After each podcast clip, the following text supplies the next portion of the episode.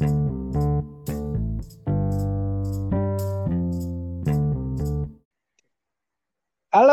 ketemu lagi sama gue Adri Gultom di podcast Kreatif Visual buat temen-temen yang lagi di rumah, yang lagi depan TV, yang lagi di kamar, yang lagi di kloset, yang lagi di dapur, yang lagi di mana-mana aja karena nggak bisa keluar rumah. Apa kabarnya? Semoga sehat semua. Gimana puasanya? Udah batal berapa hari? Baru sehari lah ya, masih lancar kita siang ini mau bahas beberapa hal nih, terutama dari sudut pandang IT mengenai uh, eh, UMKM, uh, eh, gimana cara menyesuaikan diri dan penyesuaian penyesuaian seperti apa yang dilakukan dari toko-toko atau UKM-UKM di luar sana di tengah masa pandemi seperti ini kan tentunya banyak pasti yang penasaran kalian yang entrepreneur, kalian yang business owner, kalian yang store owner pasti pengen tahu ceritanya. Nah, kita kedatangan tamu spesial nih di beliau sebeliau. Ini senior product manager duanya buka lapak, nggak main-main. Jadi langsung aja kita sambut Brurce Lantang. Iya, halo halo uh, guys. Uh, eh, gue nama nama sih gue sebenarnya Bruce Abraham Lantang. Uh, ya sekarang uh, gue di uh, bagian produk manajemennya dari Bukalapak sih. Ya so far okay. uh, sekarang ya gue di senior product manager. Oke, okay. lu boleh cerita sedikit nggak yang yang lu kerjain? Mungkin simpel aja sih yang lu kerjain di Bukalapak. Boleh, boleh. Apa aja? Oke, okay, uh, mungkin kalau di uh, biasa ya kalau misalkan di beberapa startup itu kayaknya udah familiar yang namanya product manager. Sebenarnya product manager sendiri kalau di startup startup luar itu udah cukup lama ya uh, berkembang hmm. dan memang di Indonesia ini bisa dibilang baru lah, baru beberapa sekitar lima tahun ke belakang lah. Uh, sebenarnya kondisinya kalau sebenarnya kita lihat sendiri product manager itu sebenarnya adalah posisi di mana kita di tengah-tengah nih sebenarnya menjebatanin antara business thinking, design thinking ya. sama technical thinking. Jadi kita di tengah-tengah ini untuk sebagai meracik uh, produknya atau sebagai needs-nya buat uh, kebutuhan dari si company itu sendiri. Nah, tugas sehari-harinya biasa uh, biasanya kita uh, pastinya punya produk-produk yang kita own tiap tiap harinya untuk kita lihat daily life-nya. Biasanya kita lihat secara metriknya naik atau turun, terus gimana kita cara growingin itu supaya dia tetap stabil, terus menjaga supaya produk itu tetap uh, sesuai pada on track sesuai dengan company inginkan sih sebenarnya. Nah, di lain hal juga biasanya tugasnya si product manager ini mencari analisa-analisa yang memang buat jadi sebuah uh, new thinking atau ya, produk new fitur untuk ke depannya supaya uh, si produk itu bisa scale up ke uh, ke bisnis yang baru seperti itu. Tapi nggak hmm. selalu bisnis baru sih, tapi bisa juga bisnis yang sekarang di improvement jadi lebih scale up gitu. Seperti Oke, itu. Jadi hmm.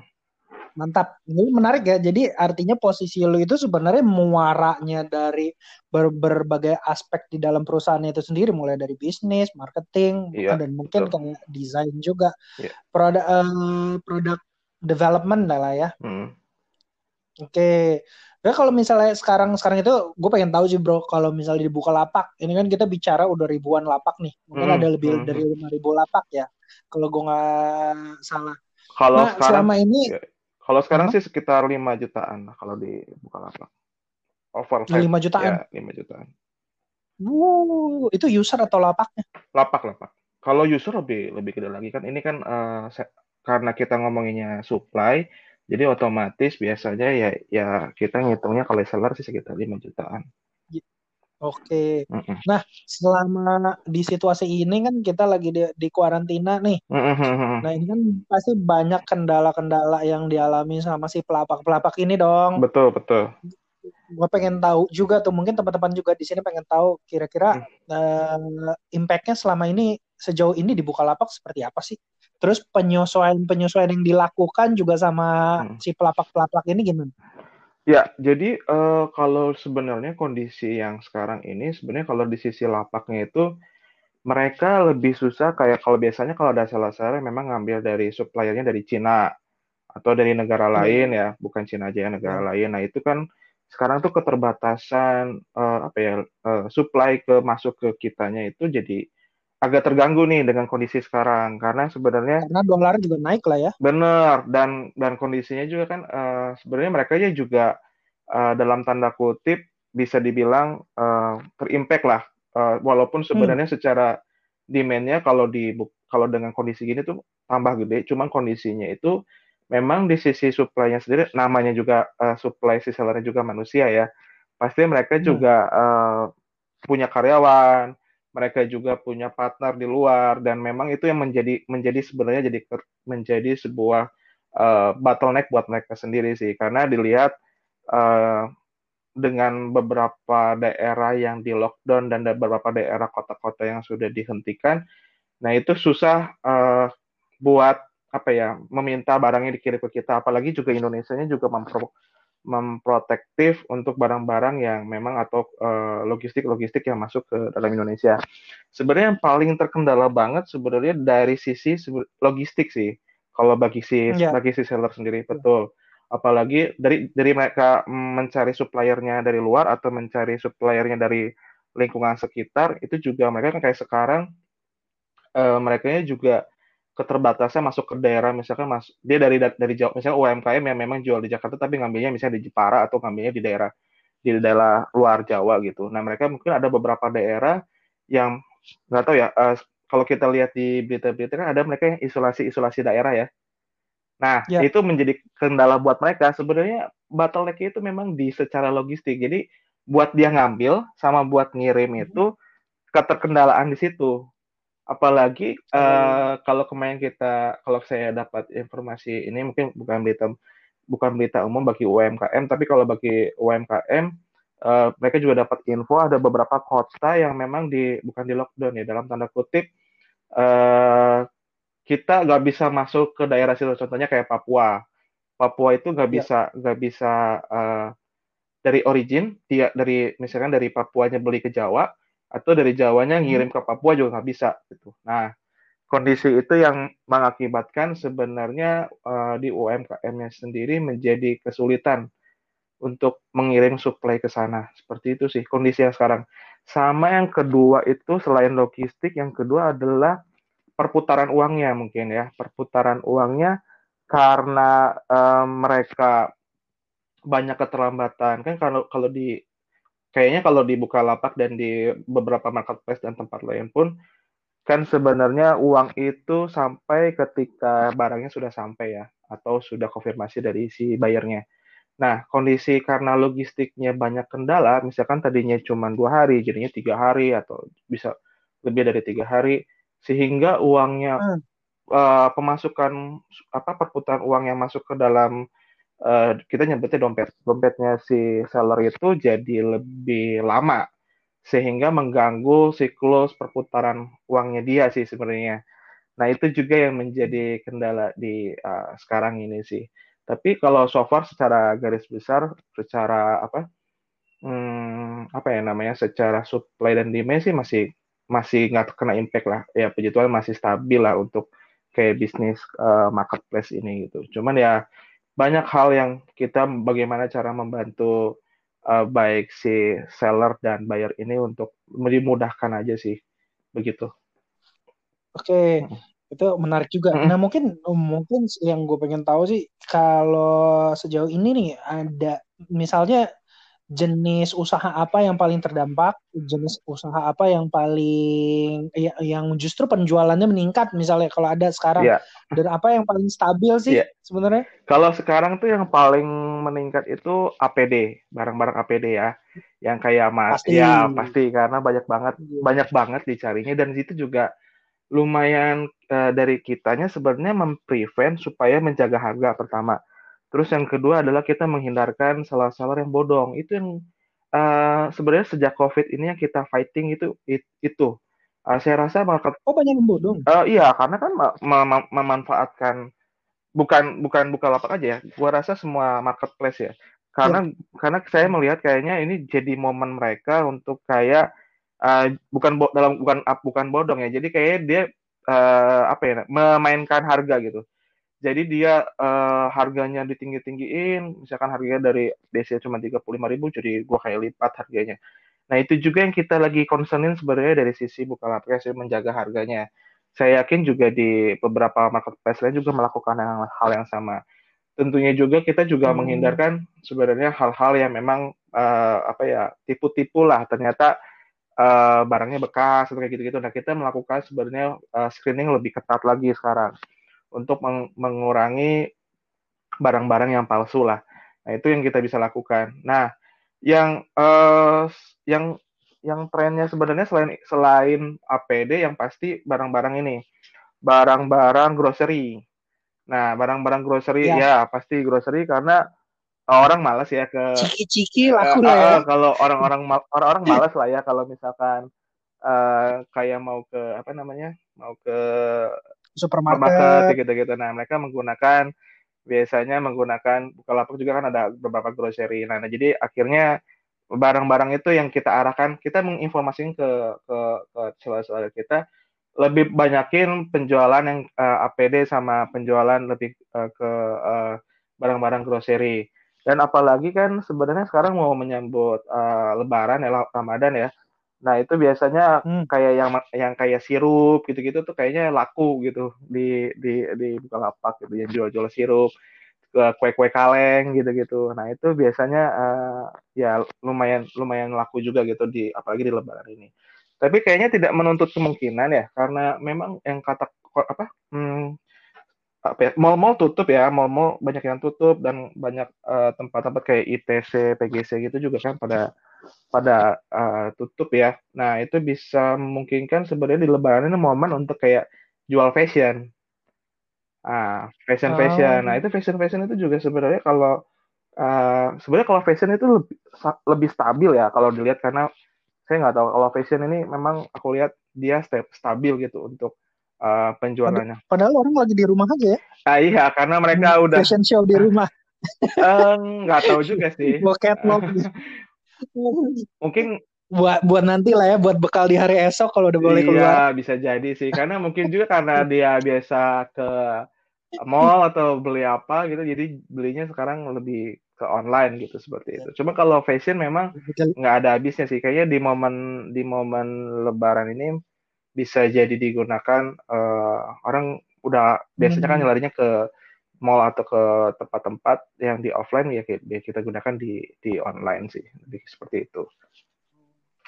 Banyak ini banyak kasus yang nimbun-nimbun terus naikin harga kayak tupai ya gitu. itu. Makanya kita screeningnya lebih oh, lebih ketat loh.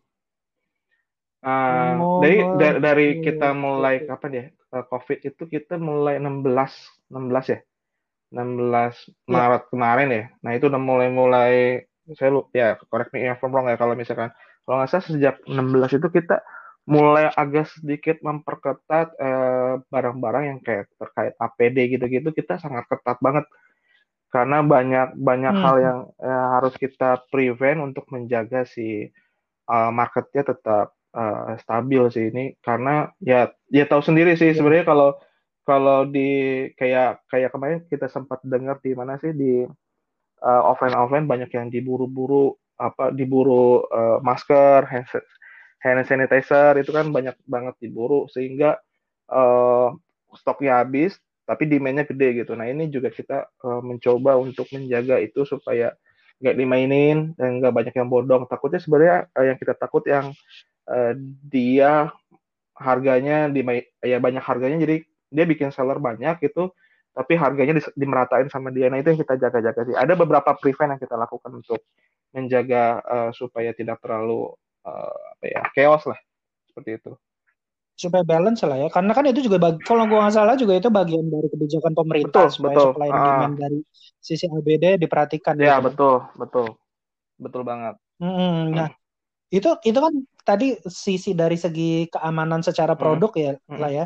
Nah sekarang ini kan kemarin baru-baru beberapa hari ini mungkin beberapa eh, teman-teman juga udah pada aware dengan uh, isu seperti isu keamanan dari sisi security data misalnya kayak hmm. kemarin kan Zoom ini sempat lumayan mulai rame yeah. nih katanya di Kementerian Pertahanan itu ini nggak tahu hoax apa enggak hmm ngeluarin surat. Gue sendiri sih lihat suratnya gitu loh bahwa Zoom tidak bisa menjamin keamanan data dan beberapa kali dilakukan testing dan terdapat kebocoran kayak gitu dan lain-lain, hmm. bro. Nah ini tanggapan lu sendiri soal soal isu ini tuh juga gimana? Dan kalau dari Bukalapak sendiri kalian hmm, bagaimana menjamin keamanan dari pelapak atau usernya hmm, sendiri? Oke, okay. kalau sebenarnya kalau saya gue sih ngelihatnya gini ya sebagai uh, uh, eh, gue melihat sebagai misalkan Bukalapak uh, atau uh, Zoom atau dari App, App Store uh, aplikasi lain kayaknya untuk masuk ke dalam kayak contohnya ya Apple Store atau Google Store itu kan memang bisa dibilang mereka banyak pengecekan ya. Dari mulai uh, kalau nggak salah kalau image nggak nggak nggak nggak nggak bagus atau misalkan jadi pecah aja bisa bisa nggak nggak muncul gitu uh, apalagi terkait security sih menurut saya kayaknya mereka juga ada screening terhadap itu. Cuman yang menjadi yang menjadi uh, concern adalah pertama adalah dari dirinya sendiri sih sebenarnya. Dari dirinya sendiri itu um, apa ya biasanya kita contohnya ya kayaknya kita uh, misalnya contoh ya banyak-banyak case yang terjadi yang pernah saya tahu tuh kalau misalkan contohnya kayak uh, credit card misalkan kita kalau hmm. kita kalau belanja misalkan ke eh nggak belanja deh makan kita lagi makan terus misalkan hmm. Eh, mbak mau bayar dong biasanya kartunya kita kasih kan sebaiknya jangan sih yeah. sebaiknya jangan karena dia bisa capture gitu. nomor kartunya walaupun memang ada beberapa bank yang sudah melakukan secure OTP ya untuk melakukan di di nah, di, ya, di online cuman ya yang sering terjadi itu memang uh, secara secara uh, selfnya sendiri sih yang kadang-kadang kita nggak hati-hati. Terus bisa jadi juga gini, bisa jadi hmm. kalau kita biasanya di HP, contoh ya kemarin is, uh, is, apa istri saya dapat apa undian Alfamart ya, tapi linknya itu punyanya UK, United Kingdom. Saya bilang, wah ini buka cabang uh, dia di ya, di kayaknya gak, uh, untuk orang-orang untuk orang-orang awam mungkin uh, karena begitu diklik terus langsung iya. keluar ya. bannernya Alfamart, saya rasa mereka jadi kayak wah iya nih bener uh, Alfamart tapi sebenarnya uh, karena karena berhubung saya juga uh, ngerti maksudnya cara mereka phishing, saya lihat loh kok linknya uh, linknya kok dari UK gitu kayaknya nggak mungkin banget kalau misalkan Alfamart mau bikin undian pun pasti dia di website dia gitu kan ya ini kok uh, websitenya ya, UK terus juga dia kayak ada direct masukin email nomor telepon untuk uh, memenangkan undian ini sebaiknya sih kayak kayak gitu-gitu di dihiraukan aja sih kalau menurut aku karena uh, bagaimanapun kayak uh, mereka itu cari data supaya kita bisa bisa dapetin data kita. Nah yang sering terjadi juga kayak gitu dari uh, beberapa marketplace dan mungkin uh, Zoom sendiri ada hal kayak wah ini uh, Zoom mem melakukan verifikasi perubahan data, silakan klik link ini. Diperhatikan dulu itu linknya ke arah mana gitu. Takutnya linknya memang bukan punya Zoom-nya sendiri atau bukan punyanya hmm, uh, ya marketplace-nya kita ataupun websitenya yang ber, hmm. yang bersangkutan sehingga kayaknya sumber datanya itu bukan uh, jadi masuk ke yang uh, sebenarnya malah jadi datanya masuk ke orang yang tidak uh, uh, yang kita inginkan untuk mencuri data itu sebagai buat yang aneh-aneh lah gitu seperti itu. Nah kalau saya melihat uh, dengan si Zoom ini sih sebenarnya saya nggak tahu ya. Uh, tapi saya bercerita dengan teman-teman saya seperti ada ya beberapa uh, telco ter terbesar lah di Indonesia sama salah satu uh, ojek online terbesar juga di Indonesia. Uh, mereka juga maksudnya hmm. bercerita bahwa uh, saya nggak tahu ya bagi mereka sendiri mereka sudah melakukan bertahun-tahun menggunakan aplikasi itu dan tidak ada semacam kebocoran atau semacam uh, pembobolan informasi terhadap yang mereka lakukan. Dan saya pun sudah menggunakan uh, si aplikasi Zoom ini kurang lebih dari lima tahun eh empat tahunan lah. Empat tahunan. Iya di organisasi uh, di salah satu organisasi saya sekarang ini dia menggunakan itu. Cuman mm, sampai saat ini sih tidak ada uh, apa ya, tidak ada yang terjadilah puji Tuhan gitu. Tapi sebenarnya juga ya, ya uh, yang yang sering itu biasanya gini, secara mungkin secara zoomnya, uh, secara zoomnya atau secara kitanya itu tidak tidak tidak terjadi apa namanya uh, security-nya bagus lah. Cuman yang sering terjadi itu misalkan gini, kita kadang-kadang misalkan kita menggunakan drive atau cloud dari uh, third party either kan kita banyak sekarang ya cloud drive cloud drive ya bisa kita sebutkan yang gede-gede lah ya. ya. Aku nggak nyebutin merek, cuman uh, ada beberapa ya. uh, drive yang memang uh, dipakai untuk uh, startup startup biasanya. Nah terkadang uh, apa ya pembackupan data atau ap apalah nggak tahu lah mungkin itu yang diserang. Jadi uh, terpartinya biasanya hmm. yang diserang kayak gitu. Nah itu yang uh, apa ya ya itu yang dis, yang diserang itu ke, ke, ke arah sananya. Cuman ya banyak hal sih yang bisa yang bisa yang bisa terjadi. Tapi menurut saya sih kita uh, aku yakin baik itu yang punya drive-nya atau yang pembuat aplikasinya itu juga sama-sama memprevent tidak semudah itu sih melakukan melakukan pembobolan pembobolan tapi ya sebagai sebagai kalau yang saya lakukan sekarang sih sebagai karena isunya belum tahu mana belum tahu benar atau enggak ya. Karena juga uh, pemerintah juga yang di kementerian karena mereka banyak banyak rahasia ya kali ya mungkin di dalam pemerintahan ya mereka juga berjaga-jaga tidak menggunakan itu. Kalau di kantor saya sendiri sih sebenarnya tidak menggunakan Zoom, kita pakainya Meet Google, Meet Google Business. Jadi sebenarnya nggak menggunakan uh, Zoom itu uh, karena kita udah satu paket dengan uh, pengguna kita gitu. Nah kalau misalkan uh, pengen jaga-jaga ya udah aja kalau misalkan digunakan aja install terus sudah selesai digunakan uninstall aja kayak gitu sih oke okay. nah berarti kalau misalnya kita ngomongin bicara soal keamanan ini sebenarnya hmm. faktor paling penting itu sebenarnya dari ke, kembali ke masing-masingnya ya maksudnya ya yeah. belum belum nge-share informasi-informasi yang sensitif kayak uh, password mobile banking kayak gitu. Soalnya hmm. tadi juga sama sama istri gue sendiri juga tadi ngobrolin gitu. Kalau ini katanya ada yang sampai mobile bankingnya dijual, ya mungkin dia nge-share informasi entah gimana datanya bisa bocor. Iya nah, betul. Pre preventif masing-masing juga gitu. Betul. Coba aja kalau bisa gue minta password mobile banking lu di sini sekarang, lu ngasih apa enggak? ya nggak akan sih. nggak akan sih. Iya. Iya.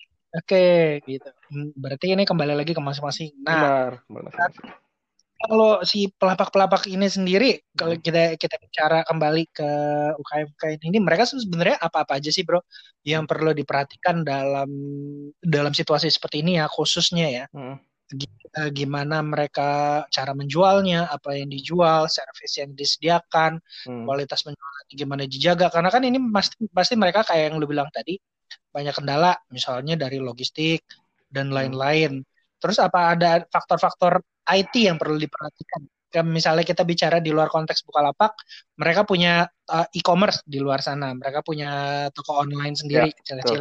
Hmm. Mungkin ada masukan-masukan apa-apa aja yang perlu diperhatikan sih dari sisi IT, dari security, hmm. apakah website harus punya SSL dan lain-lain hmm. gitu, Oke, okay. um, sebenarnya nggak oke okay, sebenarnya saya nggak nggak nggak terlalu mendalami tapi saya coba coba bantu aja ya. Kalau sebenarnya kan kalau kita lihat memang um, tolong kalau misalkan menggunakan membuat website lah. Membuat website yang memang buat uh, jualan market market market di e-commerce di di punya sendiri kayak misalkan banyak hal uh, toko-toko yang punya sendiri ya dipastikan uh, hostingnya yang memang ya, cukup baik. Pertama hostingnya oh, ya karena lihat dulu profil hostingnya seperti apa. Terus uh, ada beberapa yang kadang menggunakan WordPress ya uh, yang untuk mudahnya nah itu juga perhatikan si uh, selalu terupdate si uh, WordPress-nya. Dan dia kalau nggak salah punya plugin-plugin yang untuk buat uh, security.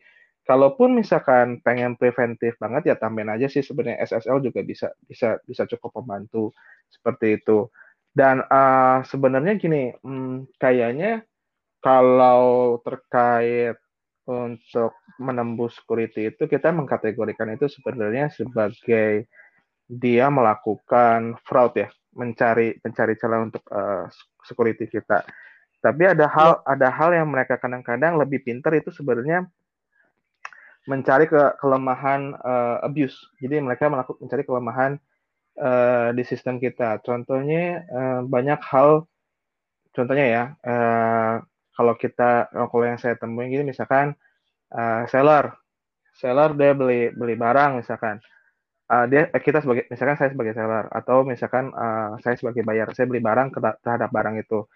perhatikan juga biasanya secara harga lihat di tempat-tempat lain mungkin nggak harga ini tuh lebih lebih rendah daripada market jadi misalkan kita beli contoh lah iPhone 11 gitu yang harganya sekarang 11 sampai 18 juta gitu. Terus tiba-tiba ada yang jual cuman setengahnya uh, harganya 6 jutaan. Nah, itu perlu diperhatikan juga itu kayaknya hmm. sebagai bayar. Tapi kalau sebagai si sellernya ya yang perlu diperhatikan terhadap bayarnya ya perhatikan juga pertama adalah uh, kalau misalkan hmm, kan biasa kalau kita mau ngirim kan dia ngasih ngasih kontak name atau ngasih alamat coba aja di WA atau di telepon dia ngangkat nggak? Untuk menjaga-jaga aja sih sebenarnya. Biasanya ada kadang-kadang juga uh, bodong sih tiba-tiba uh, kita udah casingnya doang. Uh, uh, cuman cuman cuman nelfonin kalian aja ngebius tapi nggak nggak ini gitu nggak nggak beli beli ya itu biasa.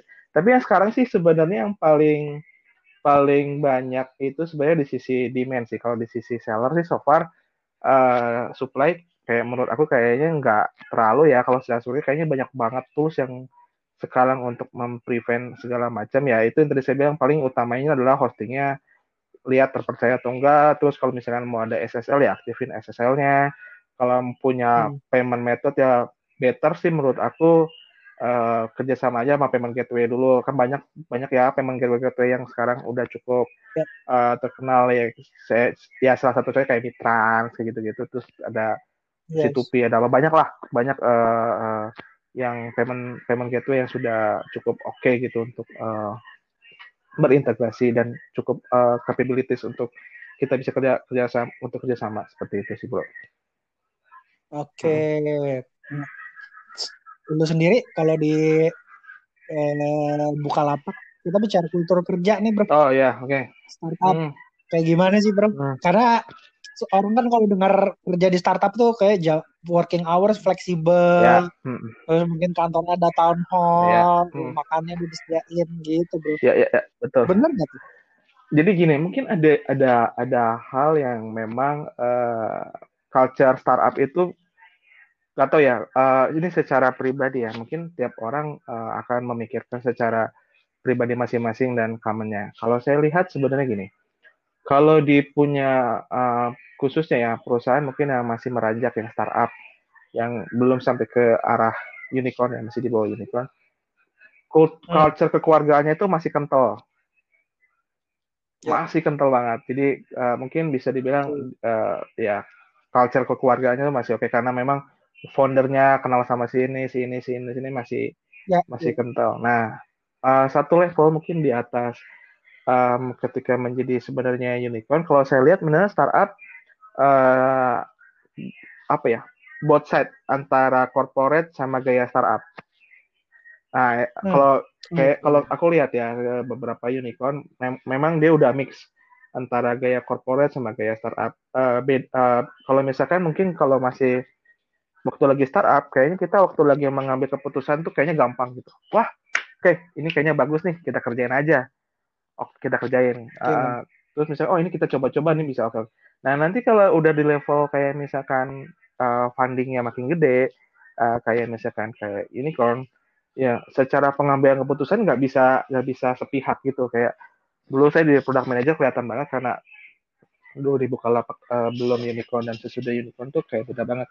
Kalau dulu waktu sebelum unicorn tuh kayak pengambilan keputusannya tuh ya nggak perlu sampai ke si level dan segala macam gitu cukup uh, lapor ke supervisor kita selesai lo bisa lakukan di production. Yeah. Nah, kalau misalkan sekarang kondisinya udah dengan setengah-setengah corporate, setengah uh, culture startup, jadi pengambilan keputusannya kadang-kadang perlu dikasih tahu dulu ke uh, si level, apalagi kalau udah ngomonginnya KPI-nya KPI metriknya company, mungkin ngomongin dulu ke shareholdernya atau ke investornya untuk kita bisa eksekusi. Biasanya kan kalau di udah di kalau udah di uh, apa ya di unicorn kayak gitu dia udah mainnya di priority priority mana yang memang buat menguntungkan kedua belah pihak seperti itu.